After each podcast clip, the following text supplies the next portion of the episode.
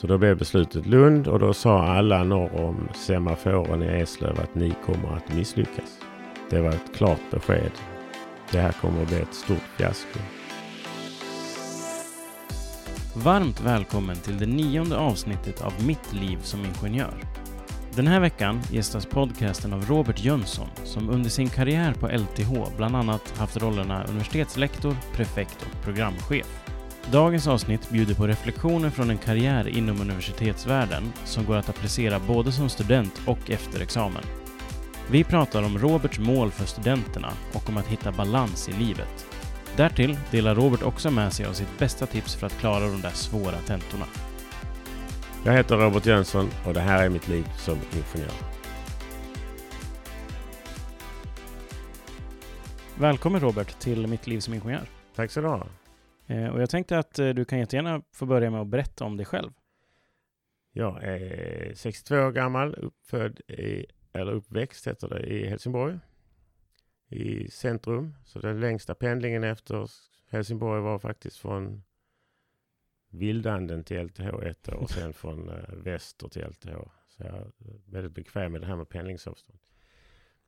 Jag har nog ägnat hela mitt liv eh, och fortsätter att syssla med utbildning och utbilda folk och vara stor mentor åt många. Mm.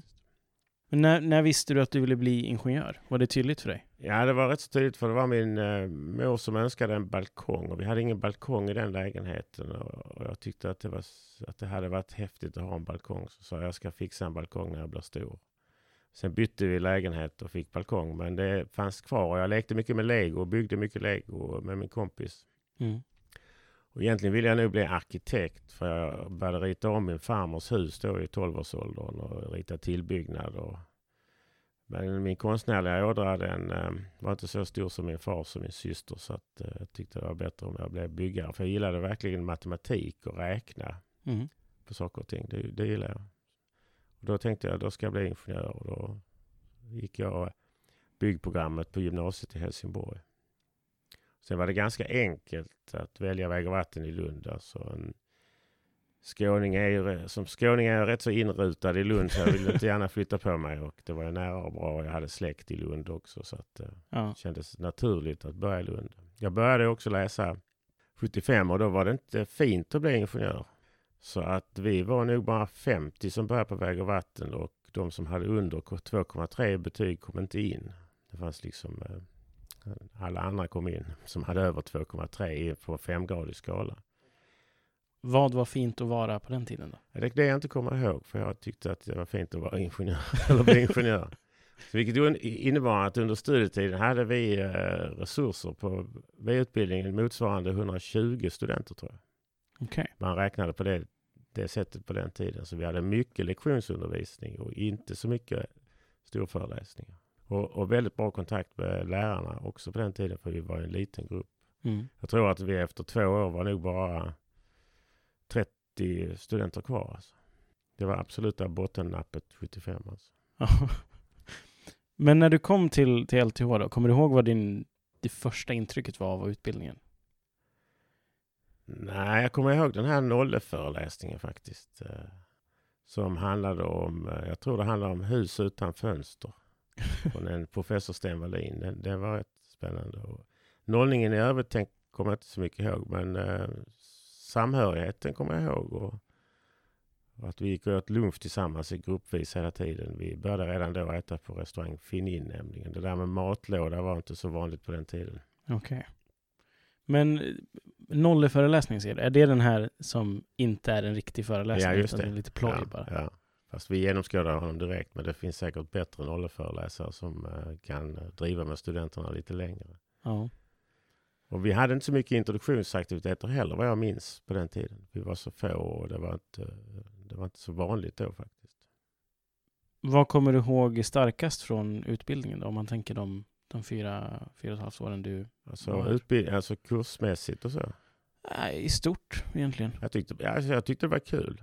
Och vi hade roligt och vi var ett gäng som läste ihop. Vi blev faktiskt till och med utslängda en gång från en lektionslokal för vi pratade så mycket. Vi satte oss alltid längst fram och så frågade vi eh, han som hade lektioner om han hade humor. Svarade han ja på det så var det ett kriterium för att stanna kvar i den gruppen och så frågade vi om han skulle skriva upp lösningar på tavlan för det ville vi inte se. Svarade han nej på det så stannade vi kvar i det rummet. Annars bytte vi till en annan lektion och så satte vi oss där. Och det har ju varit rätt så kul för jag, jag håller kontakt med, med tre av de fyra som var i samma grupp. Den ene är ju känd för det här Lundaföretaget Trivector, Christer Ljungberg. Mm. En annan kille jobbar på eh, VS, eh, VSP i Stockholm, Thomas Högbom, och han var också sexmästare Mm. under sin karriär. Jag var inte alls engagerad i eh, TLTH-aktiviteter under min studietid. Jag var aktiv, väldigt aktiv i utbildningsnämndssammanhang och studierådsfrågor och den här föreningen Sveriges väg och vattenbyggare som nu har gått in i samhällsbyggarna, deras Mm. yngre verksamhet. Varför var det det då? Alltså jag tyckte det, det kunde vara givande att träffa folk från yrkeslivet och lära mig mer om yrket och, och försöka bidra till mina kompisar liksom att få de här kontaktnäten.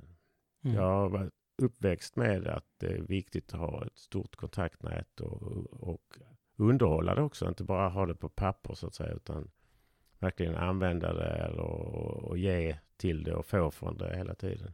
Jag tyckte det var spännande. Och det, det tycker jag man ser många av de studenter som har gått idag och som jag har haft på brandingenjörsprogrammet. Eh, de missar det här med att kontakter är viktigt. Och jag tänker att vi kommer gå in väldigt mycket mer på sen kanske hur det andra perspektivet är Mm. när, du, när det var du som var läraren. Liksom. Ehm, men innan vi, innan vi lämnar din egen studietid, kommer du ihåg någon kurs som var här, den absolut bästa eller den absolut värsta? Ja, den absolut värsta var en kurs i arbetsmiljöteknik. Så där vi hade 15 olika föreläsare och ett tråkigt kompendium eh, som jag började läsa dagen innan tentan. Och jag fick en fyra på tentan. Men eh, det var liksom eh, absoluta bottennapp. Och ja, det lever kvar i den eh, kursvärlden fortfarande lite grann, det här bottennappet. Och sen var det, de bästa kurserna var de i byggnadsmekanik för en professor, Ove Pettersson, som var en av de första professorerna på LTH. Mm. Och som också såg till sen att, ja han var rektor för Lunds tekniska och naturvetenskapliga högskola också. Och var tillfrågad två gånger om att bli universitetets rektor men tackade nej. Det var liksom min mentor och förebild och han trodde på mig redan som student. Så att säga. Mm. Men under de här åren som du pluggade på LTH, funderade du någon gång på om, om du hade valt rätt eller var det raka vägen i mål för dig?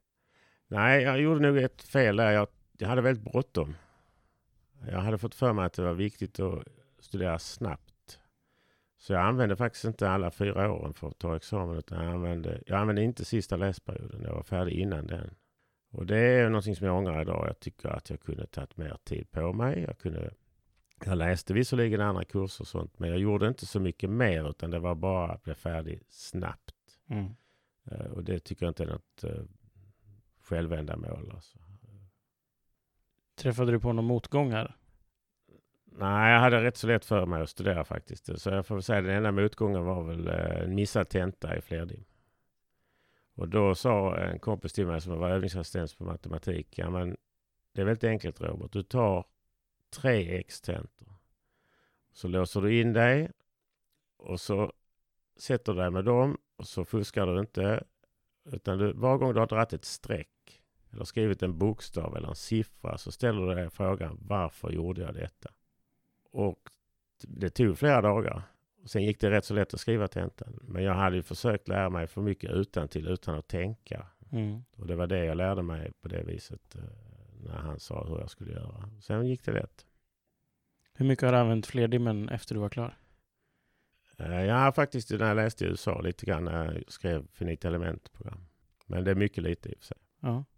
Men vi skulle kunna gå in på det att du, att du läste i USA också. Det var ju på Berkeley du läste. Ja, då hade jag en exjobbshandledare som heter Ulf Wikström. Och han hade läst i USA. Mm. Så han ställde frågan, vad, vad ska du göra nu liksom? Vi höll på med exjobbet rätt länge för den ugnen vi hade, vi eldade, eh, gick sönder ofta och sådär. Så sa han, men kan du inte söka det här University of California-stipendiet? Så jag hade aldrig haft en tanke på, på det innan. Och så sökte jag det och fick det plus andra stipendier och åkte till Berkeley då. Vilket det inte är många i det här University, of California-stipendiet som får åka till överhuvudtaget. Men det var lite andra personer som drog i lite kontakter där så jag kom in. Mm. Vad läste du för något där? Då läste jag det som heter Structural Engineering and Mechanics. Alltså konstruktionsteknik huvudsakligen. Och där var en brandprofessor också. Så jag läste hans brandkurs. Mm. Så var det en gästprofessor från England som också hade en brandkurs. Så läste jag det också. Var det där intresset för, för, som brandingenjör kom eller? Jag har nog varit lite pyroman i mig sen jag var liten i och för sig. Va? Men nej, jag, jag tror det stora intresset kom där. Och sen hade, läste jag lite i Lund också för Ove Pettersson. Det fanns ju en, en brandforskningsdel i Lund inom byggnadsmekaniken som var väldigt eh, livaktig så att säga. Mm. Så det kom lite därifrån. Men sen, nej, jag hade gått ut och sen förstod jag inte riktigt i USA heller att jag skulle nätverka mer än vad jag gjorde. Men då kanske jag inte hade suttit här i Sverige. För där kom, detta var ju ett prestige. Detta var ju en prestigeutbildning och vi var ju rankade nummer fyra i USA. Mm. Så där var det inte frågan om att eh, studenten aktivt sökte jobb utan det var ju tvärtom. Va? Företagen kom ju till campus och intervjuade. Och hade jag inte varit så hemmakär så hade jag nog jobbat på ett företag som heter Bechtel som är en stor firma i USA eh, som konstruktör. Helt enkelt. Men du är nöjd att du blev kvar i, i Lund eller? Ja, det tycker jag faktiskt. Ja. Det, var, det var rätt val. När du hade tagit examen då från, från LTH innan du åkte iväg till Berkeley. Mm. Kommer du ihåg vad det var för känsla? Ja, det var ju en känsla av att ha uppnått någonting, det vill säga få det här examenspappret och faktiskt eh, ja, näst först i släkten att eh, ta en universitetsexamen. Eh, min faster hade blivit sjuksköterska på, som numera är en universitetsexamen. Mm. Det var rätt spännande och den uppbackning jag fick av alla att, eh, att jag hade gjort det här, det var himla skoj tycker jag. Mm. Men du började ju ganska tidigt efter din examen på, på LTH. Ja, jag var ju sugen på att doktorera. Jag var egentligen utlovad en doktorandtjänst efter USA, men det var interna stridigheter i V-huset eh, som gjorde att jag kollrades bort där, så att jag fick söka ett annat jobb. Och jag sökte jobb på FOI, som det heter idag, Mm. från USA och blev intervjuad i San Francisco också. Mm. Där var jag ett halvår eh, med eh, något som hette vapenverkande bebyggelse bland annat. Eh, Sen flyttade jag ner i Lund- igen till O.E. Pettersson och blev doktorand. Hur gick tankarna där? Varför ville du doktorera? Jag tyckte det var spännande att lära mig mer. Framförallt tyckte det var kul att applicera mina kunskaper. Och så där. Och då ska jag ärligt- säga också att jag hade egentligen ingen riktig framtidstro då på brandområdet. Så jag delade mig mellan bärande konstruktioner och brand faktiskt i ett par år innan jag insåg mitt eget bästa och satsade helhjärtat på brand istället. Varför trodde du att eh, brand inte skulle vara en framtids... Det kändes så liksom att det var ju ingen som använde det, kunskaperna ute så mycket och sådär. Jag var inte riktigt tillräckligt bra entreprenör på den tiden för att se möjligheterna. De kom ju relativt snabbt i och för sig. Va? Men eh, just då så kändes det lite osäkert. Det var nog bättre att hålla fast med den här konstruktionsbanan. Så att säga. Men eh, det var det inte. Men det fortsatte brinna. Det fortsatte brinna ja, och det var mycket roligare också. Men du har ju varit på LTH hur länge då? Sen eh, 19, ja, 80, 32 år. Ja. Jag tänker att vi ska stanna upp lite vid det. För att men du blev ju då anställd som adjunkt. Jag tror jag hade lite vikariat i början faktiskt. Ja. Eh, Fram tills det att eh, riksdagen hade fattat beslut om att brandingenjörsutbildningen skulle förläggas i Lund. Och det gjorde de 1985. Okej. Och då frågade Ove Pettersson om jag ville ta tag i detta. Och då blev jag adjunkt och också prefekt för institutionen. Mm. För han var rektor då, tror jag, på eh, Lunds tekniska högskola.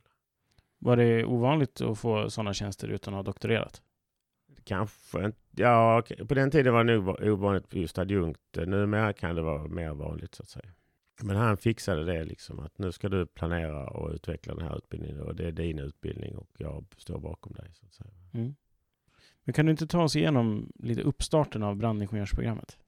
Jo, den var ju rätt så tuff. Alltså anledningen till att brandingenjörsprogrammet kom till var egentligen att brandcheferna i Sveriges kommuner kände sig lite underlägsna i att de var de enda i kommunen som inte hade, enda förvaltningschefen i kommunen som inte, egentligen inte hade någon eh, universitetsexamen. Så så startade egentligen långt tillbaka i tiden ett fackligt krav att de skulle skaffa sig en universitetsutbildning.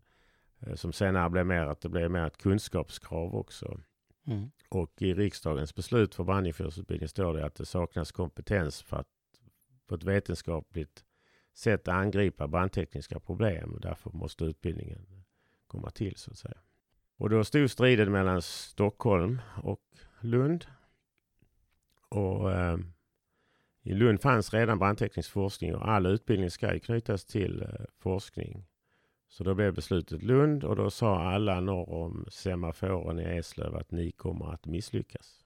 Det var ett klart besked. Mm. Det här kommer att bli ett stort fiasko. Jag är i och för sig ingen tävlingsmänniska sådär va? men att misslyckas är jag inte sådär sugen på. Så att eh, vi satsade ju stenhårt på det från dag ett, den här utbildningen. Och sen skulle egentligen utbildningen vara upplagd så här att den skulle vara Första året skulle vara exakt likadant som väg och vatten. Sen hade man ett och ett halvt år kvar. Den var bara två och ett halvt år då. Och då skulle en stor del av det samordnas med eh, Räddningsverkets andra utbildningar. Och kvar blev då en liten fot som skulle vara någonting som vi eh, producerade själva. Och det tyckte vi att det kunde vi absolut inte göra.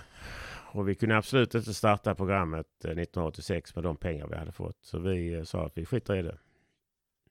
Och då blev det lite liv och då bjöd vi ner en dam vars namn jag kanske inte ska nämna i den här podden. Men eh, vi bjöd ut henne på en flott restaurang i Lund som hette, då hette Petri Pumpa. Och eh, hon var väldigt påläst den här damen. Men efter den här middagen och argument och så, så fick vi faktiskt våra pengar. Mm. Och då startade vi. Så vi tyckte att vi hade gjort ett strategiskt bra val där. Mm.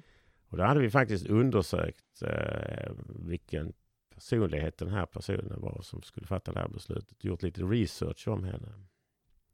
Så då blev valet eh, Petri Pumpa, mörk kavaj och slips. Och tre rätters. Man kan säga, men muta skulle det nog kallas för idag. jag skulle nog kalla det bara liksom smörja hjulen lite grann till rätt beslut. Men, eh, Kanske väldigt bra research. Ja, väldigt bra research för det. Så, så startade det. Och när de första studenterna kom så kom ju inte alla på uppropet. Och jag hade inte fattat att folk eh, sökte men hoppade av. Och från det, årskursen efter så bestämde jag mig för att ringa till alla som var antagna. Och det se så de skulle börja. Mm. Om de hade bostad. Om vi skulle hjälpa till med någonting och sådär. Och att ringa till studenterna har ju fortsatt eh, ända tills idag i varje fall. Eh, jag ringde väldigt många år. Och sen så samlar vi oss kring dem från början också. Att eh, nu ska vi göra det här så bra vi kan tillsammans och vi ska bli bäst. Sånt som man inte får säga i Sverige, men vi skulle bli bäst. Och resultatet på sikt har ju visat att brandingenjörsutbildningen i eh, Sverige, den i Lund alltså, är ju erkänd i hela världen som en av de absolut bästa utbildningarna. Mm. För det, i Sverige så finns det i Lund och Luleå. Luleå kom det 2006, ja. Ja. Men för de som, in, de som lyssnar som inte vet vad en brandingenjör är, vad, är ut, vad går utbildningen ut på? Utbildningen går ut på huvudsak att lära sig eh, förstå hur brand fungerar och uppstår och kan sprida sig i byggnader och hur man ska skydda sig mot det här. Både aktivt och passivt. Passivt är med väggar och aktivt är med olika släcksystem. Mm. Och sen också kunna hantera de risker som finns i byggnader och industrier för att minimera en eventuell skada. Så att säga. Mm. Det är väl huvudpoängen. Och den brandingenjörsutbildningen var ju till för att sen skulle man i huvudsak gå på eh, räddningstjänstutbildning för brandingenjörer i Revinge för att kunna bli operativt befäl inom räddningstjänsten och ha den här gedigna vetenskapliga bakgrunden bakom sig. Mm. Varför tycker du det är så viktigt att uh, ha en bra brandingenjörsutbildning? Jag tycker det är viktigt att man har en bra baskunskap uh, som man kan ha med sig hela livet. När mycket tillämpningsområde förändras så har man ändå den här basen att falla tillbaka på hela tiden. Att jag kan min branddynamik utan till och förstår. Och då kan jag tillämpa den på alla nya idéer och, och, saker som kommer i samhället. Så att jag har en väldigt gedigen kunskapsbas. Mm. Om, man, om man kollar lite mer på um, när du undervisade. Eh, vilka kurser undervisade du till att börja med? Alltså jag undervisade dels under min egen studietid eh, som övningsassistent i bärande konstruktioner. Mm. Och en kurs i brand för eh, V-byggarna som var frivillig kurs i årskurs 3. Sen undervisade jag inte sådär jättemycket egentligen på brandingenjörsprogrammet mer än i en kurs som hette brandteknisk riskvärdering som var en projektkurs. Och en kurs i branddynamik 1 som handlade om eh, värme, värmeberäkningar. Mm. Eh, Däremot la jag ju upp utbildningen min egen tillkortakommande under studietiden och som jag fortfarande inte är sådär haj på. Det är att skriva saker. Skriva rapporter, skriva uppsatser, skriva. Det var min skräck i gymnasiet att skriva mitt sommarlov och sånt där. Mm. Och då tyckte jag att ingen annan skulle behöva lida av det där. Så vi hade, eh, la in väldigt mycket skrivmoment i utbildningen. Att skriva saker och kommunicera med andra och presentera för eh, andra mottagare än andra. eh, Inte bara för ingenjörer utan för, för andra yrkeskategorier än ingenjörer. Det, det ingår mycket i utbildningen. Så, så le- handleda exjobb och grupparbete tycker jag är roligast som lärare. Mm. Föreläsa är det minst roliga för att eh, i en föreläsning så kanske det bara är en tredjedel som tar till sig mitt sätt att undervisa. De andra vill ha ett annat sätt att föreläsa på. Mm. Då känns det inte så meningsfullt. Men grupparbete blir en annan dynamik i det och även eh, lektionsundervisning och övningstimmar och så. Då kan man liksom styra hela sin, sin pedagogik på ett helt annat sätt. Om vi tar de tillfällen när du har varit exjobbshandledare, eh, kanske ja, men gjort, varit med på övningar och, och handlat där och varit lärare där. Vad har du velat att studenterna ska ha fått ut av kurstillfället? Själva kursen, alltså de ska ju kunna själv, eh, tänka självständigt och förstå att, att egentligen är det inte så svårt om man gör rätt. Fast man kan inte riktigt säga så. Men det är ju inte det egentligen. Va? Det gäller bara att få dem på rätt spår och få dem att uppskatta att det arbete de lägger ner faktiskt ger resultat också. Jag brukar säga så här att om du liksom har tentat fem gånger eh, B1 i analyser. Jag skulle kunna låsa in dig i ett rum och du inte fick komma ut från du klarar tentan så kommer du ut så småningom. Va? Men du kanske läser på fel sätt och kanske inte har rätt studieteknik och sådär. Och ofta tycker jag att det här med studieteknik den kan ju vara lite brister i eller man kanske inte riktigt vet hur man ska göra. Jag hade ju kurskamrater som, som aldrig var på föreläsningar. Mm. Och jag hade kurskamrater som bara var på övningar till exempel. Och, och sådär. Och, och det varierar, men, men många tror att man ska göra på ett sätt. Och det, alla sätt passar inte, eller ett sätt passar inte alla personer. Utan man måste fundera igenom, hur lär jag mig bäst? Och hur kan jag bäst utnyttja läraren, litteraturen, mina kamrater och mina övningstillfällen och föreläsningstillfällen på ett optimalt sätt. Mm. Sen senare i brandingenjörsutbildningen införde vi tillsammans med Räddningsverket något som heter utveckling gruppledare. Som är rätt så känd utbildningskoncept på en vecka. Lära känna sig själv bland annat. Mm. Och i diskussioner här när jag jobbade på LTH så tyckte väldigt många på min falang att eh, det borde alla studenter på LTH gå när de börjar. Mm. För att få bättre kunskap. För vi märkte en stor skillnad före och efter detta. Det är mycket lättare att jobba och komma framåt när du känner dig själv bättre och känner andra och vet hur andra jobbar i grupp och gruppförståelse för gruppdynamik och så. Den här pedagogiska eh, arbetet som du har bedrivit, det har ju någonstans gett utdelning också. Ja, Eh, Du vann ju Lunds universitets eh, pedagogiska pris 1989. ja, det var tidigt. Och sen fick jag ju faktiskt den här John L. Bryans Mentor Award också.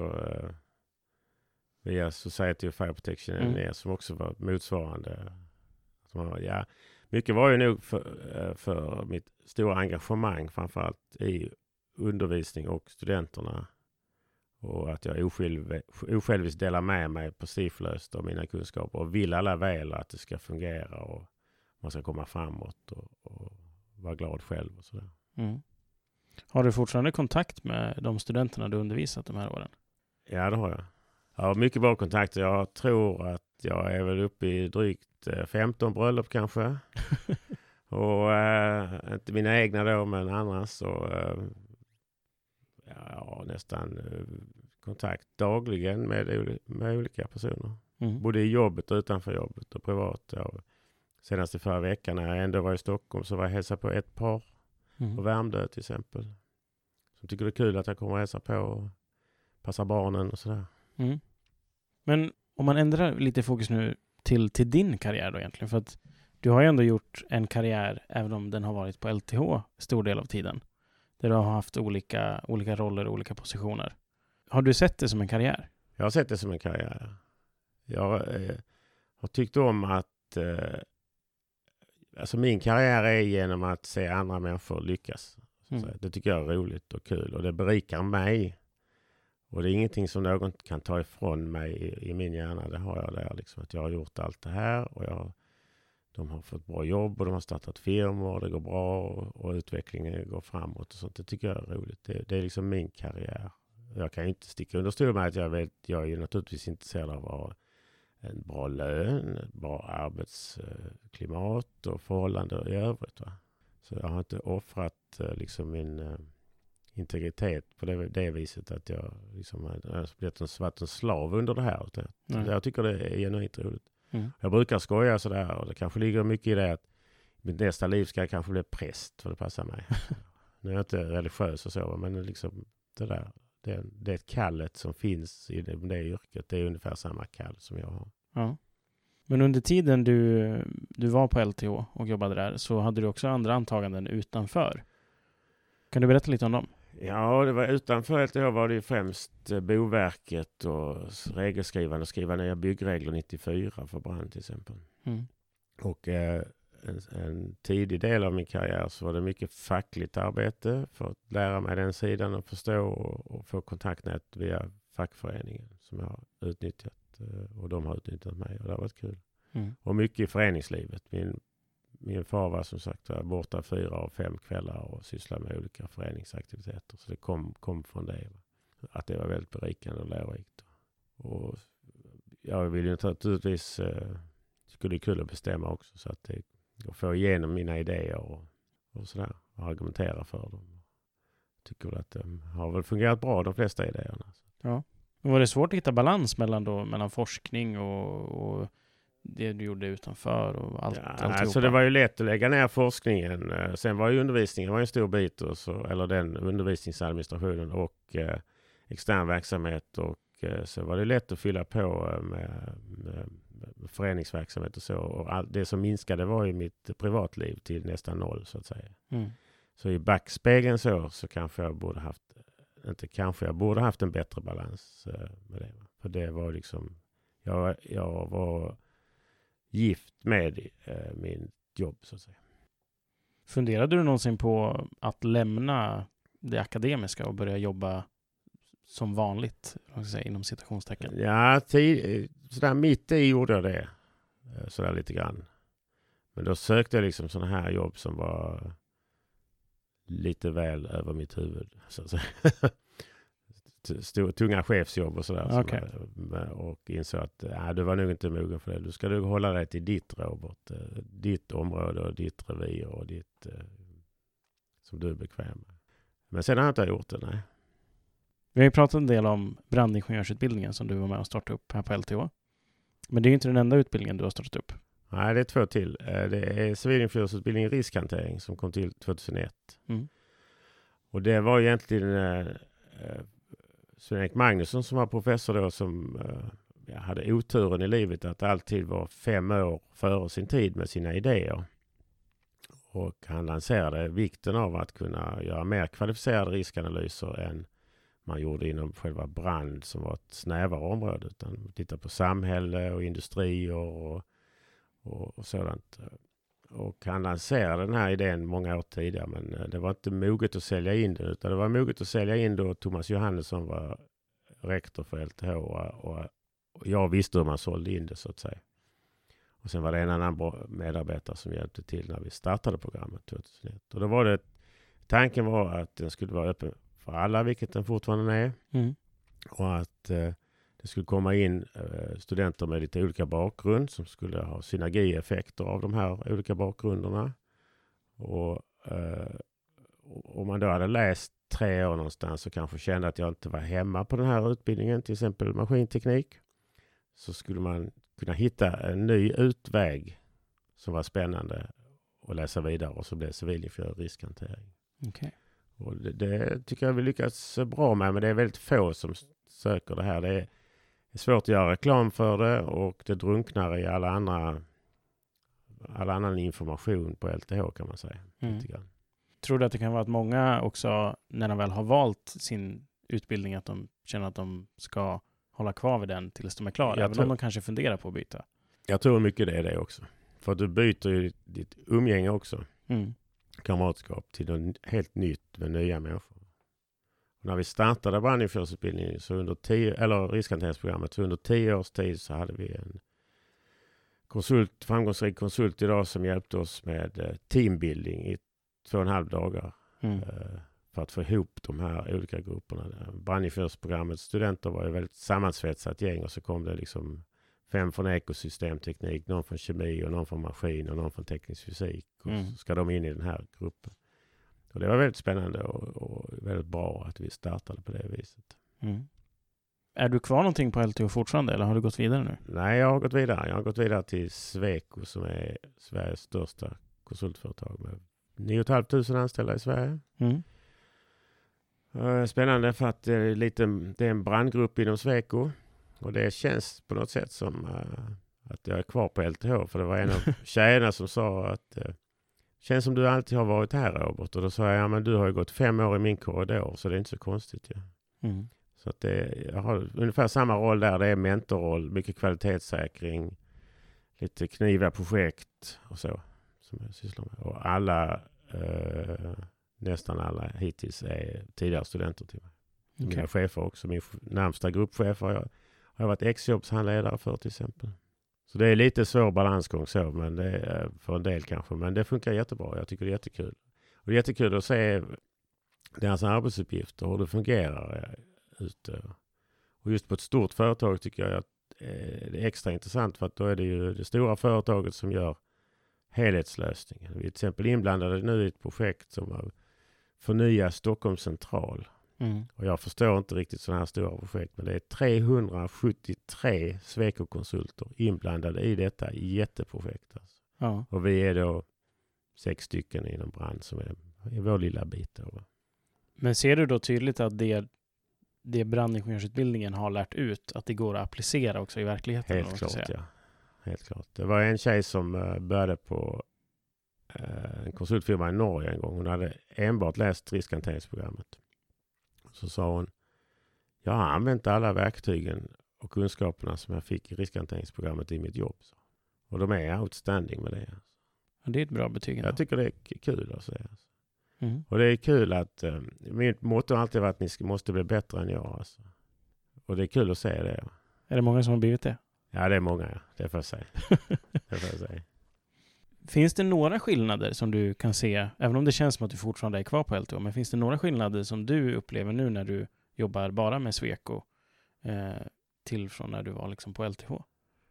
Ja, alltså när jag jobbar på LTH så det där ekonomiska sidan är samma då som på Sweco. Det vill säga att vi, vi ska ha mest pengar. Mm. Om man säger det. det var mitt motto även som chef på, eh, på, eh, för brandteknik. Däremot är det mycket svårare att tidsbestämma arbetsåtgång. Va? Mm. På konsultfirman gör man ju ett, ett eh, kvalificerat bra jobb så att kunden blir nöjd. Mm. På LTH när du forskar så gör du nästan samma sak fast du har egentligen ingen kund utan det ska bli så vetenskapligt bra som möjligt så det finns liksom inget slut på hur länge du kan hålla på. Va? Nej. Tiden tar slut på konsultfirman och du måste stanna någon gång. Va? Det blir ett bra jobb och, det, och kunden blir nöjd men det är inte säkert att det är 115 procent vetenskapligt eh, intouchable. Liksom, utan, men det är svårt att tidsätta på LTH när man, eh, när man arbetar som forskare. Att Mm. du kommer vara exakt färdig med din doktorsutbildning om fyra och ett halvt år. Och så där. Det kan hända oändliga saker på vägen. Mm. Är det jobbigt, tycker du, att inte kunna kanske jobba med någonting hur länge som helst att det blir perfekt? Att man måste släppa det kanske innan det är perfekt? Jag har inga problem med det. Nej. Nej, jag har inga problem. med det. Vi var inne lite tidigare på um, dina engagemang under studietiden, om man går tillbaka så Mm. långt, att du valde dem utefter kanske att nätverka. Är det någonting du har jobbat aktivt med hela livet egentligen? Ja, det är det. det, är det. Jag gör det fortfarande. Jag eh, eh, gratulerar alla födelsedagar på Facebook. Och det är, om de, de har lagt in födelsedagen så blir det tusen stycken om året. Alltså. Mm. Och det tycker jag är roligt. Det är många som svarar tillbaka och sådär också. Och sen är det många som följer mig liksom sådär lite i smyg då. Så ja, du har varit ute och rest nyligen Robert. Eh, Jag såg det på Facebook. Och vad ska du resa nästa gång? Och sådär. Mm. Ja, Det är kul. Har det gjort mycket nytta rent professionellt också eller är det bara för, för nöjets skull? Nej, det är professionellt också. Det är väldigt lätt för mig att eh, få hjälp. Eh, någon slags hjälp om jag behöver det. Både professionellt och privat så att säga. Mm. Det är mycket enkelt. Och det är många andra som är duktiga som sitter inne på lösningar på många, många saker. Så att det är lätt att få kontakt. Så trots din erfarenhet så kan du inte allt? Nej, det kan jag inte. Nej, jag var aldrig fullärd. Vad är viktigt för dig att trivas med din karriär? Eh, Jag tycker det är viktigt att ha roligt och ha positiva och hjälpsamma medarbetare. Mm. Det tycker jag är viktigt i karriären. Sen är det svårt det där med karriär om jag ska bli chef. För mig var det rätt viktigt att bli chef också en gång i tiden. Och det är viktigt att ha det största rummet och sådär. En period i livet för att stadfästa min chefskarriär när den var bräcklig. Jag var- blev ju ändå chef för institutionen när jag var 29 år gammal. va? Och Mm. har varit chef hela tiden. Och gjort massor av misstag som chef. Och massa positiva grejer också för att jag inte hade någon chefserfarenhet. Men... Nej, och sen är det man får välja vad man vill. Alltså det är, det är, jag tycker det är viktigt att göra en, en teknikkarriär så att man fördjupar sitt kunskapsområde och hänger med i utvecklingen. Mm. För det kan komma en lågkonjunktur när väldigt många är arbetslösa och det du har i huvudet kan ingen ta ifrån dig. Men ett chefsjobb som eh, är lite sådär löst kan vara svårt att få nytt för att du har inte mycket att komma med egentligen kanske. Men det du har i huvudet kan ingen ta ifrån dig. De här misstagen som du gjorde som chef, har du något, något du kan dela med dig av? Eh, Ja, jag tycker alltså framförallt så är det ju att eh, kanske vara lite ödmjukare och eh, lära känna dig själv först lite mer innan du stormar in i ett rum. Jag tycker till exempel att det är självklart att vi ska ha måndagsmöte klockan åtta på morgonen. Men, eh, och det låter självklart, men det är inte så självklart för alla är inte morgonpigga och vill komma klockan åtta utan kanske bättre klockan nio. Det är så här små saker. Mm. Eh, Så att den, I mitt fall så hade det varit väldigt bra med en mentor under mitt chefskap faktiskt. Mm. Jag hade Ove Pettersson, men det var ju mer det, det administrativa, hur man skulle snirkla sig igenom universitetet och fina skrivelser och sådär. Men själva chefskapsmentorskap hade varit väldigt skönt att ha. Mm. Om jag tittar tillbaka på. Men man lär sig fort också. Är det många som har dig som uttalad mentor? Nej, inte som uttalad, men eh, det är ju många som pratar med mig om eh, byta jobb och, jag frågar alltid hur de trivs på jobbet och hur det går och vad de liksom sådär. Så att det, det finns nog, in, inofficiellt är jag nog mentor för många. Mm. Vad betyder ordet karriär för dig? Alltså karriär för mig betyder att må bra, ha roligt, eh, inte bli akterseglad i den snabba utvecklingen. Det tror jag det är mina nyckelord för karriär.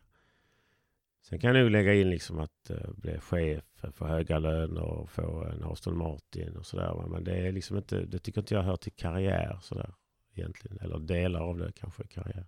Vad hör det till då? Jag hör till privatlivet sådär. Okej. Om man ser till din, ditt liv som helhet egentligen, har du några framgångsfaktorer som du har identifierat? Ja, alltså jag är väldigt generös och, eh, och ger gärna ifrån mig och öppnar mig själv och berättar själv om mina egna misslyckanden och framgångar för andra. För att de ska lyssna och ta till sig om det är någonting som de kan ha nytta av. Mm. Hur har du jobbat med vidareutbildningar under livet? Vad, liksom, har du någonsin känt att du varit klar eller har det varit lä- konstant lärande hela tiden? Det har varit konstant lärande hela tiden. Jag har läst mycket och varit på mycket konferenser och småkurser. Så både ingenjörsmässigt och eh, administrativt. Det kan jag säga att jag har jag, jag, de berättade en gång för mig för länge sedan. Det var eh, ett entreprenörföretag i Sverige som det gick dåligt för. Så de började säga upp civilingenjörer. Det var ju långt tillbaka i tiden. Sen så började de säga upp de som var 50 år. Så de, vi kommer inte återanställa dig för att du har inte hängt med i utvecklingen. Det är bättre att anställa en nyutexaminerad. Så lite åt det där hållet. Och det har satt sina spår i huvudet det där med att du kan inte sätta dig på en arbetsplats och så bara flyta med i 40 år. Jag såg en intervju nu med, med personer som hade fått eh, slutade jobba i Stavanger på grund av oljekrisen. Mm. Det var en kille där som hade en, två tentor kvar på en civilingenjörsexamen. Hans enda fram, eh, möjlighet till framgång nu var att börja om och läsa färdigt den här civilingenjörsutbildningen för att överhuvudtaget få jobb. Och han sa, Mm. jag trodde aldrig det här skulle hända mig. Det är ju jättebra nu när det är högkonjunktur. Liksom. Mm. Alla bara flyter med. Men säg att vi får en riktig lågkonjunktur någon gång. Hoppas vi inte får det. Då är det ju svårt. Va? Om inte du har hängt med i utvecklingen. Ser du ditt jobb nu som ett jobb eller ser du det som ett fortsatt lärande? Jag har inte så mycket fortsatt lärande längre. Det, det gör jag inte. Eh, och jag jobbar inte heltid heller för jag vill inte jobba heltid. Så nu har jag helt plötsligt fritid. Det var lite svårt i början men eh, nu har jag det. Så nej, nu det gäller att eh, njuta av frukterna så att säga. Mm. Och göra ett bra jobb på jobbet naturligtvis. Kommer du gå i pension vid 65 eller? Nej, nu har jag ju sett till att det kommer att bli ett riksdagsbeslut så att det blir inte från 67 då man måste gå i pension. Va? Men då tänker du gå i pension? Nej, det tror jag inte. Jag tror inte min arbetsgivare heller har tänkt sig det. Men däremot så kan jag tänka mig att jobba mycket mindre. Ja. Eh, Färre timmar så att säga. Hur mycket jobbar du nu ungefär? Eh, Sex och en halv timme om dagen. Du nämnde ju tidigare att alla de här sakerna du gjorde under din karriär, att de egentligen tog över ditt privatliv till det att det kanske inte fanns så mycket kvar. Ja, det stämmer. Hur har du jobbat med det från att du har insett det? Har du gjort någonting annorlunda nu kontra då? Nej, det är lite sent kanske. En del saker är lite sent. Men å andra sidan så har jag ju 900 barn. Det vill säga de som har tagit examen och barnbarn och sådär. Så att jag får ha det som substitut för den biten i alla fall. Mm. Det, det, det är ju ingen idé att säga jag skulle gjort det här annorlunda. Det är det värsta jag vet när han säger liksom, ah, jag skulle gjort det annorlunda för 20 år sedan. Och sådär. Det, det, man kan inte säga så. I mitt liv kan man inte säga så. Kan inte jag säga så i alla fall. Jag har gjort mina aktiva val och jag har säkert tänkt på det tidigare men tyckt att det här har varit roligare och tagit överhand. Om man kollar på framtiden då, vad, vad ska du göra när du börjar jobba mindre och mindre? Ja, det har ju då mina kamrater, tidigare studenter, sagt att du får inte sluta. Du får inte minska din arbetstid förrän du hittar mer meningsfylld fritid. Så nu har jag återupptagit golfen igen i varje fall. Och hoppas att det ska kunna, det har jag gillat tidigare nämligen, så att eh, jag hoppas att det ska kunna fylla lite tid. Mm. Jag gillar resa också, men det, det finns ju begränsningar hur mycket man kan resa också. Vad är bästa resmålet? Ja, jag skulle ju hemskt gärna vilja åka på safari i Afrika. Det står högt upp på min lista i alla fall. Mm. Om du tittar tillbaks på din studietid, men där du står nu, vad önskar du att du visste som student, som du vet nu? Nej, inte mycket egentligen. Alltså. Eh, för att eh, jag tycker det är slumpen som styr mycket. Jag hade ju valt att läsa massa konstruktionsämnen som jag nästan inte använt alls. Jag var intresserad av brand. Det kom ett sådant beslut. Jag hamnade på det. Och jag tycker det viktigaste egentligen är att, att tänka efter att det viktigaste är egentligen inte vad jag har läst utan att jag har läst egentligen om jag ska hårdra, om jag ska hårdra det. Jag tror inte jag hade gjort eh, något annorlunda. Jag var väldigt villrådig när jag kom hem från USA vad jag skulle göra. Sökte jobb. eh, Eh, hade inte förberett mig. Funderade inte alls på vad jag ville göra och var jag ville jobba och vilken arbetsgivare jag ville ha. Det rådet skulle jag vilja ge till alla. Ta nu inte och sök ett random jobb som låter kul för att din kompis jobbar där. Ta, re- ta reda på mycket mer research om arbetsgivaren och hur det fungerar och sådär. Så se så det passar dig. Istället för att bara nu ska jag bli civilingenjör på Alfa Laval. Och så söker någon det jobbet och får det jobbet utan att tänkt igenom det beslutet. Alltså, var- varför, varför hamnar jag nu här? Jag tycker nog att det går, jag tittar på de som eh, läser på ingenjörsprogrammet, eh, att det går väldigt fort att få ett jobb sådär. Nästan ogenomtänkt. Fast det går bra för dem ändå va? men det känns som att det går för fort Mm. när de söker jobb. Mm. Du har ju fått en hel del utmärkelser ändå. Ja, just det. Finns det någon som du är speciellt stolt över att du har fått? Det finns två stycken och den ena är eh, Society of Fire Protection, NES eh, mentorutmärkelse som jag fick. eh, Där jag enligt åhörarna höll ett fantastiskt oförberett tacktal. Så Mhm. det måste ha kommit inifrån hjärtat. Jag har nämligen, tänker ofta mer med hjärtat än hjärnan ibland så det blir bra. Och sen är det den här Kungliga guldmedaljen som jag fick eh, 2014 för mina insatser inom brandingenjörsyrket. Det är väl de två som är utmärkande, som jag är väldigt stolt över. Och att jag 2010 lyckades bli vald som president för eh, den här Society of Fire Protection Engineers. Så satte liksom ytterligare en gång vårt eh, svenska namn på världskartan. De här utmärkelserna, har det varit en, har det varit en bekräftelse för dig att det du har gjort har varit bra? Eh, ja, det har det varit. Alltså det är en fysisk bekräftelse. Är det, ju, så att säga. Eh, det, är, det är svårt att snappa upp små bekräftelser hela tiden. Eh, när jag, när jag är så aktiv som jag, som jag är och har varit. Så det, ibland behövs det sådana här lite större som, som klappar en på axeln. Och det är väldigt, väldigt givande faktiskt. Mm. Innan vi avslutar här så tänkte jag att jag ska ställa lite frågor till dig. Det är egentligen påståenden som du får fortsätta på och eh, ja, egentligen fortsätta på så gott du kan eller vill.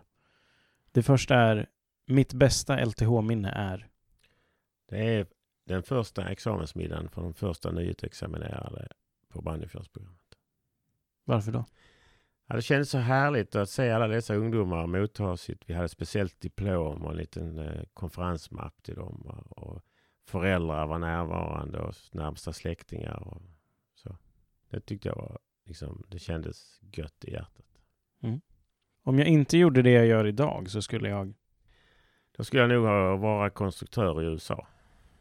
Hur skulle den banan ha sett ut? En kort resumé. Jag hade nog blivit sån här brokonstruktör och sån här lite väldigt avancerade projekt faktiskt. Det hade jag känt för att bita tag i. Mm. En person jag ser upp till är? Ja, det är ju min egen mentor som inte lever längre. Det är Ove Pettersson. Det var ett fantastiskt stöd. Jag tror jag var den enda på LTH där han kunde signera någonting som jag hade skrivit utan att läsa det. Vilket var ett väldigt högt betyg. Och när jag hade gjort något dåligt så sa han så här. Du, det här kunde du gjort bättre Robert. Det betydde ungefär att det var skitkass. det var ett finare sätt att säga det ja, på det i alla fall. Och den sista här då. Mitt bästa tips till dagens studenter är? Det är absolut att nätverka och eh, engagera sig i sidoaktiviteter. Eh, för att få upp ett eh, stort kontaktnät. Och sen och försöka lära känna sig själv och hur man fungerar i grupp. Det tycker jag är det viktigaste. Stort tack för att du har lyssnat. Som alltid så är jag oerhört tacksam för all form av feedback som går att lämna på Facebook, Instagram eller via ett anonymt formulär. Länk till formuläret finns i beskrivningen. Om du uppskattade innehållet får du också väldigt gärna betygsätta podcasten på iTunes. Nästa vecka träffar jag Caroline Eriksson som i grunden är civilingenjör från KTH. Under sin karriär så har hon jobbat inom ett flertal olika roller på ett flertal olika bolag, men jobbar idag med teknisk rekrytering på eye-tracking-bolaget Tobii.